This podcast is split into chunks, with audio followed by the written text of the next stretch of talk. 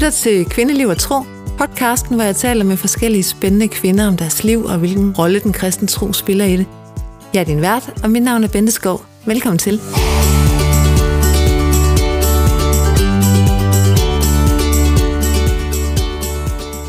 Jamen hej Gitte, og velkommen, og tak fordi du gerne vil være med. Tak fordi jeg måtte være med. Podcasten, jeg har glædet mig til at snakke med dig og høre om det, du er optaget af, og det, du ved noget om, og det, du beskæftiger dig med. Og jeg kunne godt tænke mig sådan at starte med at stille to spørgsmål, som jeg sådan prøver at se, om jeg kan huske at spørge mine gæster om. Nemlig, øh, det første det er, hvad er du optaget af lige nu, og hvad betyder den kristne tro for dig? Ja. To store spørgsmål, og to gode spørgsmål. Øhm, jeg tror, jeg er optaget af sådan lidt forskellige ting øh, lige for tiden. Men en af dem, det er at, at finde mit ståsted, eller finde et, et nyt ståsted øh, i mit liv, hvor jeg øh, går fra at have arbejdet mange år som lærer til at arbejde mere og mere med mit nye emne, eller mit nye øh, fag, seksologi, mm. og hvordan det skal udspille sig, hvordan det skal lykkes, og hvordan det skal ske. Det øh, optager mine tanker rigtig meget så er jeg også øh, nået ind i den, den alder, øh, som vi, over, vi kendetegner, eller vi kalder for øh, overgangsalderen, og det fylder faktisk også.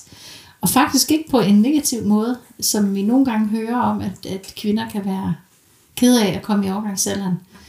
Det er jeg slet ikke. Jeg synes, den er besværlig, men ja. jeg er slet ikke ked af det. Besværlig hvordan? Jamen, man vågner om natten med svedeture og hedeture og ja, øh, kan pludselig få det dårligt, fordi at jeg sidder i en bil, og, og jeg får sådan en hedetur, som bare blusser op indeni, no. og så det er jo besværligt. Yeah. men, men det er også interessant, at vores krop den bliver ved med at udvikle sig og gøre ting. Ja. Og det, det gør den selv. Den finder selv ud af det. Det synes jeg er sjovt. Og man må bare følge med. Man må bare følge med. Ja. Og prøve at tage sig så godt af den, som man kan undervejs. Ja. Ja. Ah, men det er godt, du lige er, er lidt foran mig der, fordi når det så rammer mig, så kan jeg jo lige, så, du lige så kan jeg ringe til en ven ja, og sige, ah, giv det, jeg lugter. Hvad gør jeg? Lige præcis. Fantastisk. Og hvad med det andet med den kristne tro, hvis den betyder noget for dig? Ja, men den betyder faktisk rigtig meget for mig. Den, den øh, kristne tro er mit udgangspunkt i, i alt, hvad jeg laver. Ja. Det er mit udgangspunkt i hele mit liv. Øhm, jeg er vokset op som kristen. Jeg har vokset op i en kristen familie, og så kan man godt komme til at hvile lidt på laverbærene, ikke rigtig selv tage stilling på det, til det, man tror på. Men, øh, men det tror jeg er rigtig vigtigt, at man gør, og, og det har jeg gjort. Jeg har været igennem en masse ja. overvejelser og en masse tanker omkring det, og er nået frem til igen og igen, at jeg vil ikke leve mit liv uden at tro på, på Gud. Jeg har ikke lyst til, at han ikke skal være en del af mit liv længere, for jeg får så meget ud af at have en tro på ham. Ja. Så det betyder, det betyder næsten alt for mig. Kan du så forene, kan du forene din tro og så den her, din praksis og forhåbentlig kommende praksis som seksolog? Kan man det? Det synes jeg godt, man kan. Øhm, der er nogle gange, der er sådan to respons til, øh, til, til, når jeg fortæller folk, jeg arbejder med seksologi, og den ene det er, hvorfor det? Ja. Øh, og måske sådan lidt med en rynken på næsen. Øhm, og så er der heldigvis også den anden, hvor folk siger, nej, hvor er det fedt. Det er på tide, vi snakker meget mere om det. Ja. Og, jeg, det, og det er også en af drivkræfterne for mig, det er, at jeg synes, at jeg er vokset op selv på en måde, hvor man ikke snakkede nok om det. Der var for mange spørgsmål, for mange ting, jeg skulle regne ud selv. Og øh, der sker rigtig meget i vores samfund øh, omkring sex, øh, altså identitet og kønsudvikling og seksualitet. Det ja, fylder rigtig meget, ja. Og, og hvis ikke vi interesserer os for det, og blander os i debatten, så bliver vi tabt bag en vogn. Og mm. det synes jeg ikke, vi skal være med til. Vi er skabt af Gud. Vi er skabt i hans billede, og vores seksualitet, det er en gave til os fra ham. Og den skal vi tage vare på. Ja. Ja. Spændende. Og det vil du være talskvinde for? Det vil jeg gerne. Fantastisk. Ja. Men du er jo, øh, som du også selv lige sagde, du har været lærer. Mm. Så, så du er jo ikke, øh, altså, og overgangsalderen og sådan nogle ting. Så du har jo allerede levet noget af livet, mm. og så mm. har du besluttet dig for at gå den her vej til en drejning, fordi ja. jeg tænker også formidling, undervisning, det som du har gjort i så mange år, er så god til. Vil du kunne tage det med dig i jobbet som seksolog, eller hvordan forestiller du dig sådan, at det ja. kunne se ud? Det, det håber jeg, altså det, og det tror jeg også godt, jeg kan. Fordi noget af det, som jeg også rigtig gerne vil, og som jeg synes er mega sjovt, det er jo at komme ud og holde oplæg, og komme ud og øh, køre nogle kurser. Jeg vil øh, synes, det var mega spændende at få lov til at komme ud på nogle skoler og, og komme med oplæg til eleverne, men også, også til voksne. Ja. Øhm, og der har jeg en masse erfaring som lærer i formidling. Det, det, det er ikke noget problem for mig at stille mig op og sige noget. Så, så det vil jeg gerne. Ja. Og det er bare at undervise på en anden måde, end jeg har været vant til i, i grundskolen. Og det er måske også en anden, øh, nu er jeg også selv lærer, men, men det er måske også en anden connection, du har med dem, der sidder i lokalet, fordi de har faktisk, måske afhængig af sætningen, selv valgt at komme. Ja. Det har eleverne i skolen ikke altid. Nej, de skal ligesom være der. Ja, så derfor er motivationen jo også nogle gange lidt en anden. Ja, helt sikkert. Og så kan man sige, det jeg ikke tager med mig ind i, i et foredrag omkring seksologi og seksualitet og identitet, det er jo selvfølgelig den rolle, en, en lærer grundskolen spiller for sine elever på en daglig basis. Mm. Der kan jeg jo nemmere lave en, øh, en hit and run. Ja. øh, men det tror jeg, at hvis vi taler om, om seksual undervisning for elever, så er der faktisk også mange, der synes, det er rart, det er en, der kommer lidt udefra, ja. som kan sige alle de her små pinlige ting, øh, og så går igen. Fordi så kan de arbejde videre med deres klasselærer eller deres lærer, som de er trygge ved, uden at, at, at de har været inde i det her rum, som, som bliver lidt skrøbeligt for dem nogle gange. Ja. Men tror du, er der et behov for, at unge har et sted, hvor de kan få stillet de her spørgsmål? Går unge i dag mm. også? Altså, der var ikke internet, da vi var børn, alt det. Nej. De kan jo finde alt selv. Har de spørgsmål? de har mange spørgsmål. Ja. De har rigtig mange spørgsmål, og det gælder både, altså både elever i 7., 8. og 9. klasse, og det gælder også dem, der går på gymnasiet. Og ja, de kan finde alt muligt på internettet, men det er ikke altid et godt sted at lede efter svar, fordi der er ikke noget vejledning til dem der. Og der skal de selv sortere i øh, de informationer, de får. Og undersøgelser viser, at de vil jo rigtig gerne snakke. Vi kan jo bare se på, hvordan gymnasieelever i Danmark har jo efterspurgt mere seksuel undervisning i deres skoletid. Og det, det tyder på, at der er virkelig et behov og en, en længsel og et ønske efter at blive klogere Ja. på det her med sex og seksualitet. Så det, det vil kun være klogt, at vi giver dem noget mere. Mm. Og at de også kan snakke med nogle mennesker, der har noget livserfaring. Mennesker, der har øh, arbejdet inden for feltet og ved en hel masse. Så de ikke skal sortere i pornosider og mere eller mindre øh, amatørsider, der forsøger at hjælpe, men måske får sagt nogle ting, der er helt forkerte. Og skaber mere forvirring end gavn. Lige præcis. Ja. Ja. Jeg kan ikke lade være med at sidde og tænke på, når du siger det der, men de vil faktisk gerne vide noget mere. Handler det om, at, at de unge har brug for et sprog, så de, man kan kommunikere om de her emner på en, en måde, hvor det ikke bliver så pinligt, som det måske mm. nemt gør. Hvad, hvad er det for et sprog, vi mangler? Jamen, jeg tror, jeg tror det helt klart noget af det, det handler om at have et, et sprog og være kompetent i at tale om sex på en, øh, en sober måde. For de kan sagtens alle ordene, der ikke er sobre. Ja. de bliver jo brugt i flæng. Øhm, og med det forbrug af porno, vi ved, der er i Danmark, så har de måske også brug for at høre, at man kan dyrke sex på andre måder, end man gør i pornografien. Og at det, der sker i pornografien, sjældent afspejler helt almindelige menneskers lyst og behov og måder at gøre tingene på. Og det tror jeg, de har brug for, at der er nogen, der kan tale med dem om øh, på en jordnær måde, uden at sidde og krumme tær selv, og med et respektfuldt sprog mm. over for, for det, der foregår mellem to mennesker. Ja. Ja. Ja, at møde den unge og deres videnskrådstræk uvidenhed med respekt. Ja, absolut. Og når man er helt ung og uerfaren, så har man jo lyst til at prøve nogle ting. Men, men det at prøve noget nyt, det kan være enormt skræmmende.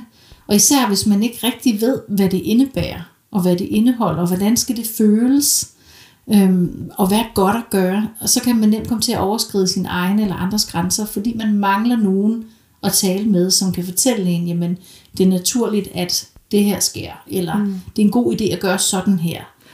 Øh, og det mangler, det tror jeg, der er mange, der mangler nogen at tale med om. Ja. Og det med grænser er jo helt op i tiden, og samtykke og alt det her. Ja, Virkelig relevante.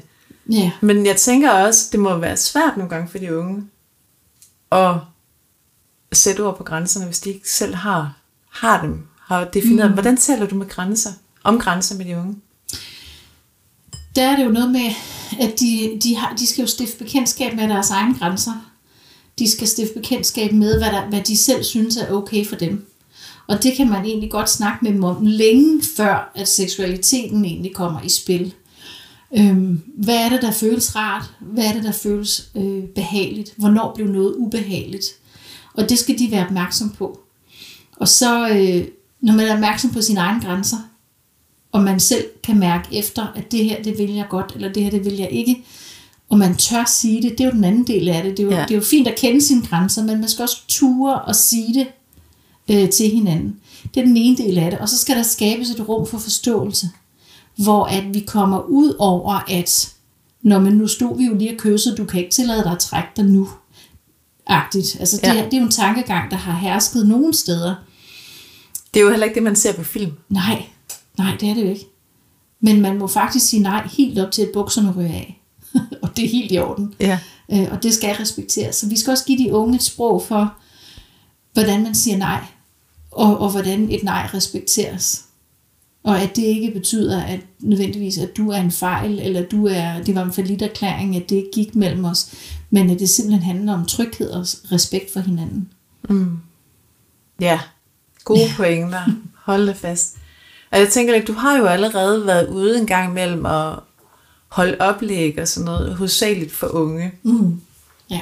Hvad, hvad bliver du sådan typisk spurgt om, og det, det venter vi også lige inden interviewet her. Hvad er det sådan typisk folk spørger om? Det behøver ikke nødvendigvis kun at være de unge, fordi mm. jeg tænker også, der, der er måske begrænset, hvor mange af de helt unge, der lytter med her, men, men også bare mm. som kvinder i vores alder her i 40'erne. Hvad, ja. hvad er det typisk, du møder, når du fortæller om, at, at du er uddannet seksolog? Men der er jo, der er alt, ja, hvad møder, jeg synes, jeg møder mange spørgsmål. Øhm, rigtig meget af det handler om lyst. Og, og det er måske ikke de helt unge. Øh, men der er rigtig meget omkring lyst. Hvordan ja. mærker man lyst? Hvordan får man lyst? Hvad hvis jeg ikke synes, jeg har lyst? Øh, det er noget, der optager, og det er også noget af det, der kan skure og skabe problemer og konflikter i, i mange parforhold, hvis den ene har mere lyst end den anden. Ja. Så det er noget, der helt naturligt fylder hos rigtig mange. Og så øh, oplever jeg faktisk også, at der er ligesom der huller i vores biologi øh, forståelse, eller den undervisning, vi har fået.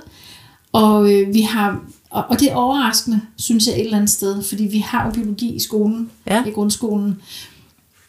Men det er som om, at man fokuserer, og det, og det kan man jo måske sige, det er helt i orden, man fokuserer på det her med reproduktion i biologi og sådan noget. Men det betyder også, at der er mange unge piger, og, og faktisk også de fleste unge mænd, de ved ikke, hvordan en kvindekrop fungerer.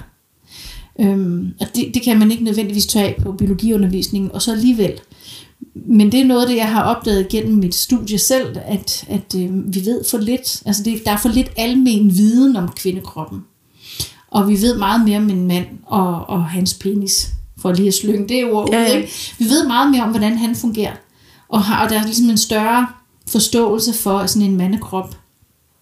Og så ved vi for lidt om, hvordan vi selv fungerer og hvad der, hvad der virker for os for at blive opstemt. Og det er ikke altid øh, det samme. Det, der virker for en mand, det virker ikke altid for en kvinde. Øhm, og, og derfor kan der opstå nogle gnidninger og nogle problemer, mm. øh, fordi man, man går til det på en bestemt måde, og det er bare ikke den rigtige måde. Men er det fordi, og nu kommer jeg bare til at tænke over, når du fortæller, er det fordi, at i manden, mm. der, starter, der starter hele opstemtheden måske et andet sted. Jeg tror for mange kvinder, det, det starter måske i virkeligheden i hovedet. Ja, det, det, det gør det for mange kvinder. Og selvfølgelig er der jo forskel på kvinder, ikke?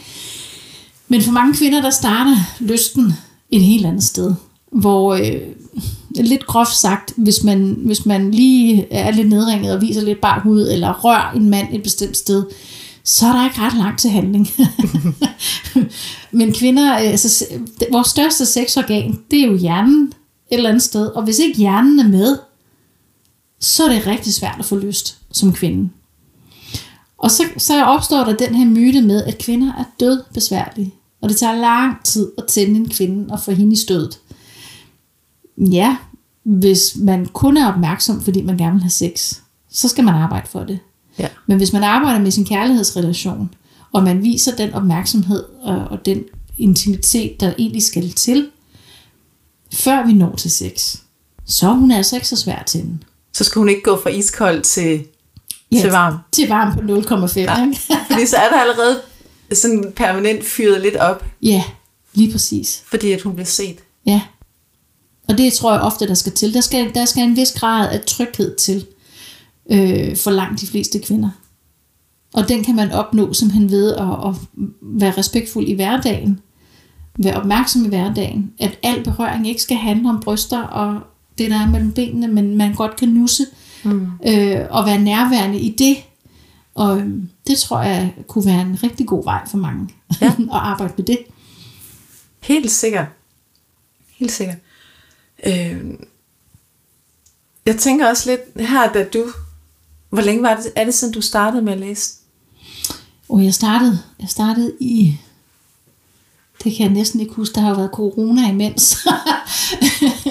Men det er lidt sådan en parentes i vores alle sammen. Ja, det er det. Øh, og det hele det blev sådan lidt udskudt på grund af det der corona, men jeg blev jo færdig i foråret 2022 med grunduddannelsen, og, og skal jo læse videre nu her.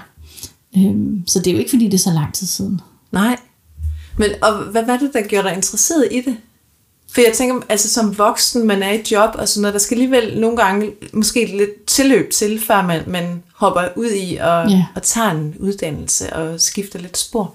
Ja, og det er svært for mig at svare præcis, hvad der var, der gjorde det. Øh, at det lige var det øh, fag. Men jeg har i mange år vidst, at jeg gerne ville noget andet. At jeg på et tidspunkt gerne ville prøve at skifte spor, og har ikke rigtig kunne finde ud af, hvad det skulle handle om.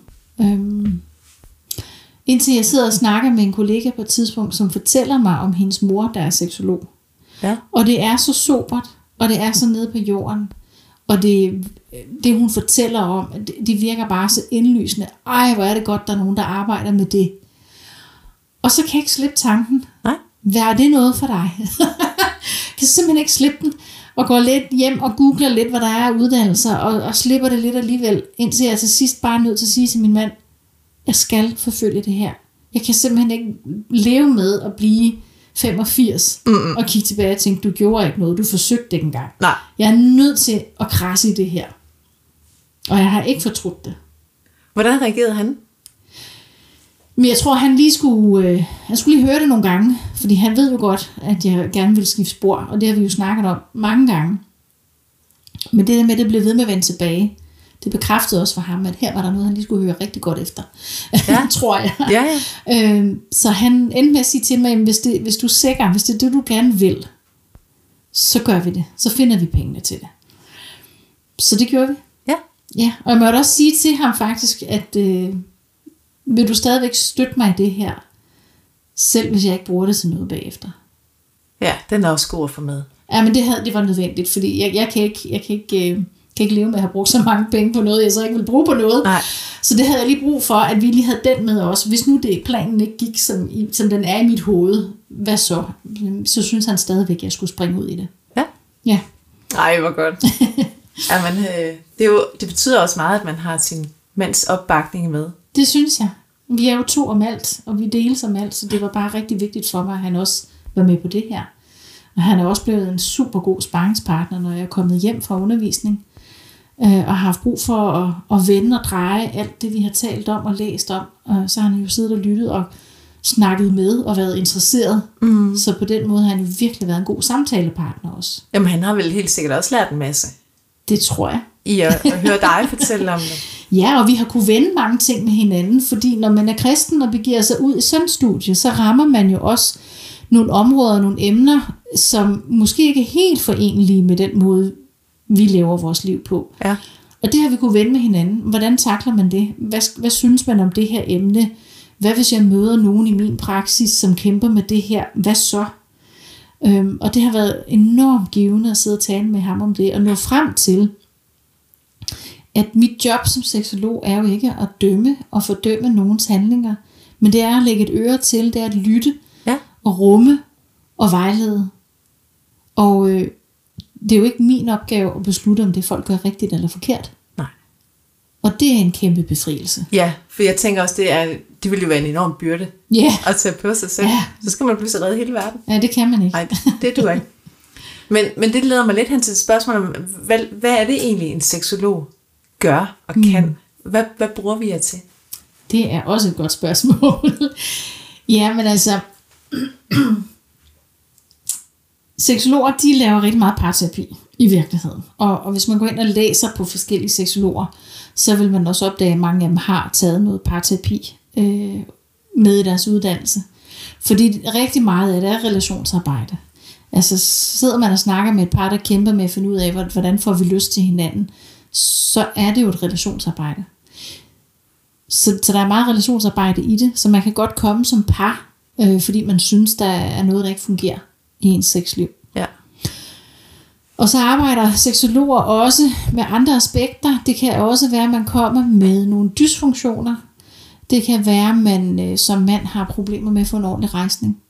Det kan man også snakke med en seksolog om, for det er ikke altid biologisk betinget. Okay. Det kan være psykologisk betinget.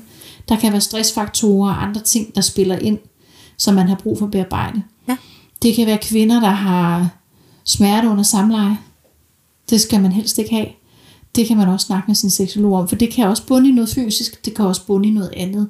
Og man skal ligesom forsøge at afdække, hvad er det, de her smerter kommer af. Og så er det jo klart, så når seksologen jo så et punkt på et tidspunkt, hvor de er nødt til at sige, nu skal du gå til din læge, hvis det er fysisk betinget. Ja. Fordi vi kan ikke udskrive medicin. Vi er jo ikke behandler øh, på et medicinsk felt. Så er der øh, fysioterapeuter og gynekologer og andre øh, sundhedsfaglige, som også har en seksologuddannelse. De kan lidt mere, for de er også uddannet i at behandle øh, kroppen. Så, så dem kan man jo også bruge. Mm. Og så kan man jo bruge seksologer til, til foredrag, til undervisning, til oplæg øh, rundt omkring. Ja. Ja, ja, for vi snakkede jo om, at, seksologi, seksologer, det er jo, man kender ordet. Mm. Det er bare ikke altid, man lige ved, hvad der gemmer sig under det, nej, lige præcis. og hvad er det, de laver. Ja. Ah, hvor godt. Du fortalte også før, at, at øh, der jo faktisk er nogen også, der øh, kan have behov for at tale med en seksolog i forhold til, hvis man er i behandling eller mm. andre ting. Altså der kan være informationer, som sund, det sundhedsfaglige personale måske nogle gange glemmer. Ja, Og give. ja. Ja, absolut. Altså, det sker, jo, det sker jo, at folk får kroniske sygdomme. Og så bliver man jo meget optaget af den her kroniske sygdom lige i starten. Man skal jo finde ud af, hvordan man lever med den. Øh, og måske får- man noget medicin. Og så glipper det desværre øh, nogle gange at, at snakke med patienten om alle de bivirkninger, der eventuelt kunne være.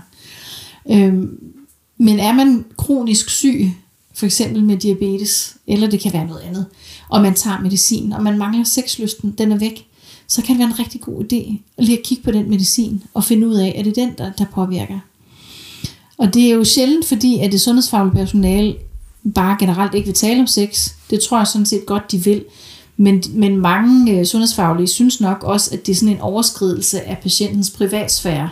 Ja. Og der ved jeg, der er fokus på at blive bedre til at sige, at vi er nødt til at stille det som et spørgsmål. Har du brug for at tale om dit sexliv? Øhm, og hvis man er kroniker og tager medicin og, og, og har problemer her, også hvis man for eksempel ikke kan få en ordentlig rejsning, eller man som kvinde oplever tørhedsproblematikker, øh, kig på medicinen, snak med lægen om det, spørg, kan det påvirke den del af min krop? Mm. Fordi nogle gange, så kan det være, at man kan ændre medicin. Også hvis man får noget psykofarmaka, det ved vi også, det går ofte ind og påvirker øh, sexlysten. Og der kunne man måske overveje, om der var andre typer, som øh, ville være bedre at tage. ja. Ja, Og det er jo ikke uvæsentlig viden, det her. det er bestemt ikke uvæsentlig viden. Det er det ikke. Jeg tænker godt nok, at det må være... Jeg kunne forestille mig, at det ville bare give så god mening, at, at det er det sundhedsfaglige personale, mm. der bringer det på banen først. Fordi er man først derhjemme og får nedtur over, ja. at det ikke fungerer, Ja, så må der også være en masse skam i det. Og så er det måske ikke det nemmeste lige at, mm. at bringe på banen. Ja. Og det kan godt være, at folk synes, det er på en eller anden måde lidt skamligt. Jeg tænker, at hvis man har en kronisk sygdom, så er det jo bare én ting oven i hatten, man skal bøvle med. En ting mere, der ikke fungerer, som Ja. skal. Og det, og det er bare rigtig synd, hvis man går med den, og man faktisk kan få noget hjælp til at få det bedre på det område af sit liv. Ikke? Ja. Ja. Og så er der jo også altså noget andet, man også kan, kan gå til seksolog omkring, det er jo, nu er jeg jo selv på vej ind i den her fantastiske overgangsalder, den kan også spille et pus, og der kan det også være en idé nogle gange at snakke med en seksolog. Det kan være, at man har brug for nogle hjælpemidler, og det er måske øh, heller ikke noget, vi snakker om så tit med sådan en sober stemme, men der er jo hjælpemidler til øh, at kunne dyrke sex uden smerter. Glidecreme og, og sådan nogle ting. Ikke? Og mm. det, altså, hvorfor ikke snakke om det? Fordi hvis det er sådan en lille bitte ting, der skal til for ja, at løse det. lige præcis. Det kan købes på apoteket. Man behøver ikke at gå på en eller anden småsnusket hjemmeside og håbe på, at de sender det i en pakke, der ikke er farverig og med logo på, fordi det er for pinligt at få postkassen. Altså man kan købe det nogle rigtig super steder. Og det er faktisk med til højne oplevelsen af at dyrke sex, hvis man bruger noget glidecreme. Fordi det, altså hvis, især hvis der er øh, tendens til lidt tørhed, så er det jo ikke rart. Så skal man jo bruge noget. Mm. Og det er bare godt at kunne snakke med nogen om det. Ja. Ja. Jamen helt klart. Og hvor er det godt, at du lægger stemme til at, at få det ud i æderen og få ja. det ud ja. i bevidstheden. Selvfølgelig er der nogen, der godt ved det her, har vidst det i mange men der er jo også... Nogle gange skal man lige høre det Ja. igen. Ja. Eller for første gang. Ja, og hvis man er sådan lidt tilbageholdende, øh, eller lidt genert seksuelt, så er det jo ikke sikkert, det er det, man tænker på øh, som det første bud. Fordi det måske nogle gange bliver forbundet med lidt mere kinky, eller småfræk sex, som man ikke selv er tryg ved. Men, men det kan også bare være en praktisk foranstaltning, der gør, at det bliver en god oplevelse. Ja. Ja, Og kan man så slappe af i det, så bliver det jo pludselig endnu sjovere. det gør det. Ja, og så starter der en positiv spiral. Ja. Ja, Og det er jo ikke uvæsentligt at få med, at, at der er også der er en belønning mm. ude på den anden side. det er der nemlig. Og det er i hvert fald værd at, at søge efter. Om der kan være en, en løsning og en vej igennem. Ja. Hvad drømmer du om at opnå, Gitte?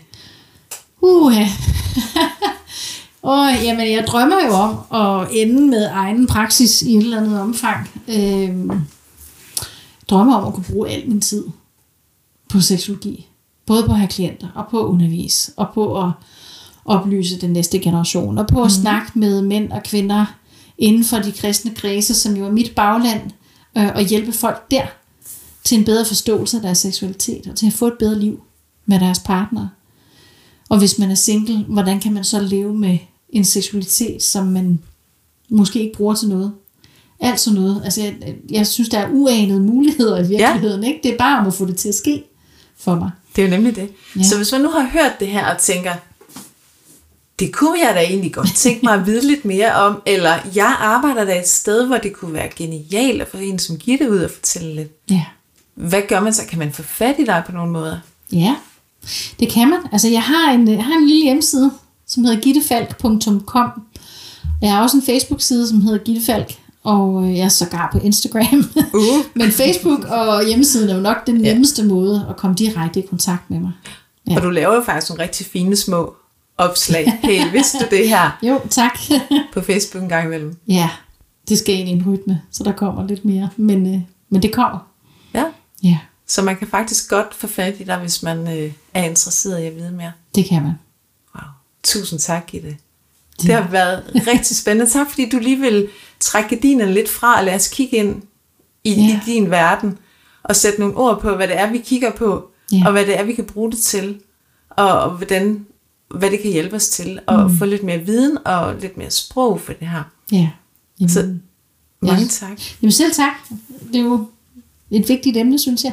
Ja, det kan man jo se på dig. Nu kan I jo ikke se derude selvfølgelig. Jeg tager jo et billede og lægger, som I måske også har set allerede, men hvor I kan få mm. sat ansigt på den stemme, I har lyttet til nu. Ja. Så tak fordi I lyttede med, og Gitte, tak for dig. Hvem ved, om, øh, om du bliver kaldt tilbage i studiet, som er dit kontor, Du ringer altid, Bente. ja. Du ringer bare. så ser vi ad. Men øh, tusind tak i hvert fald. Selv tak.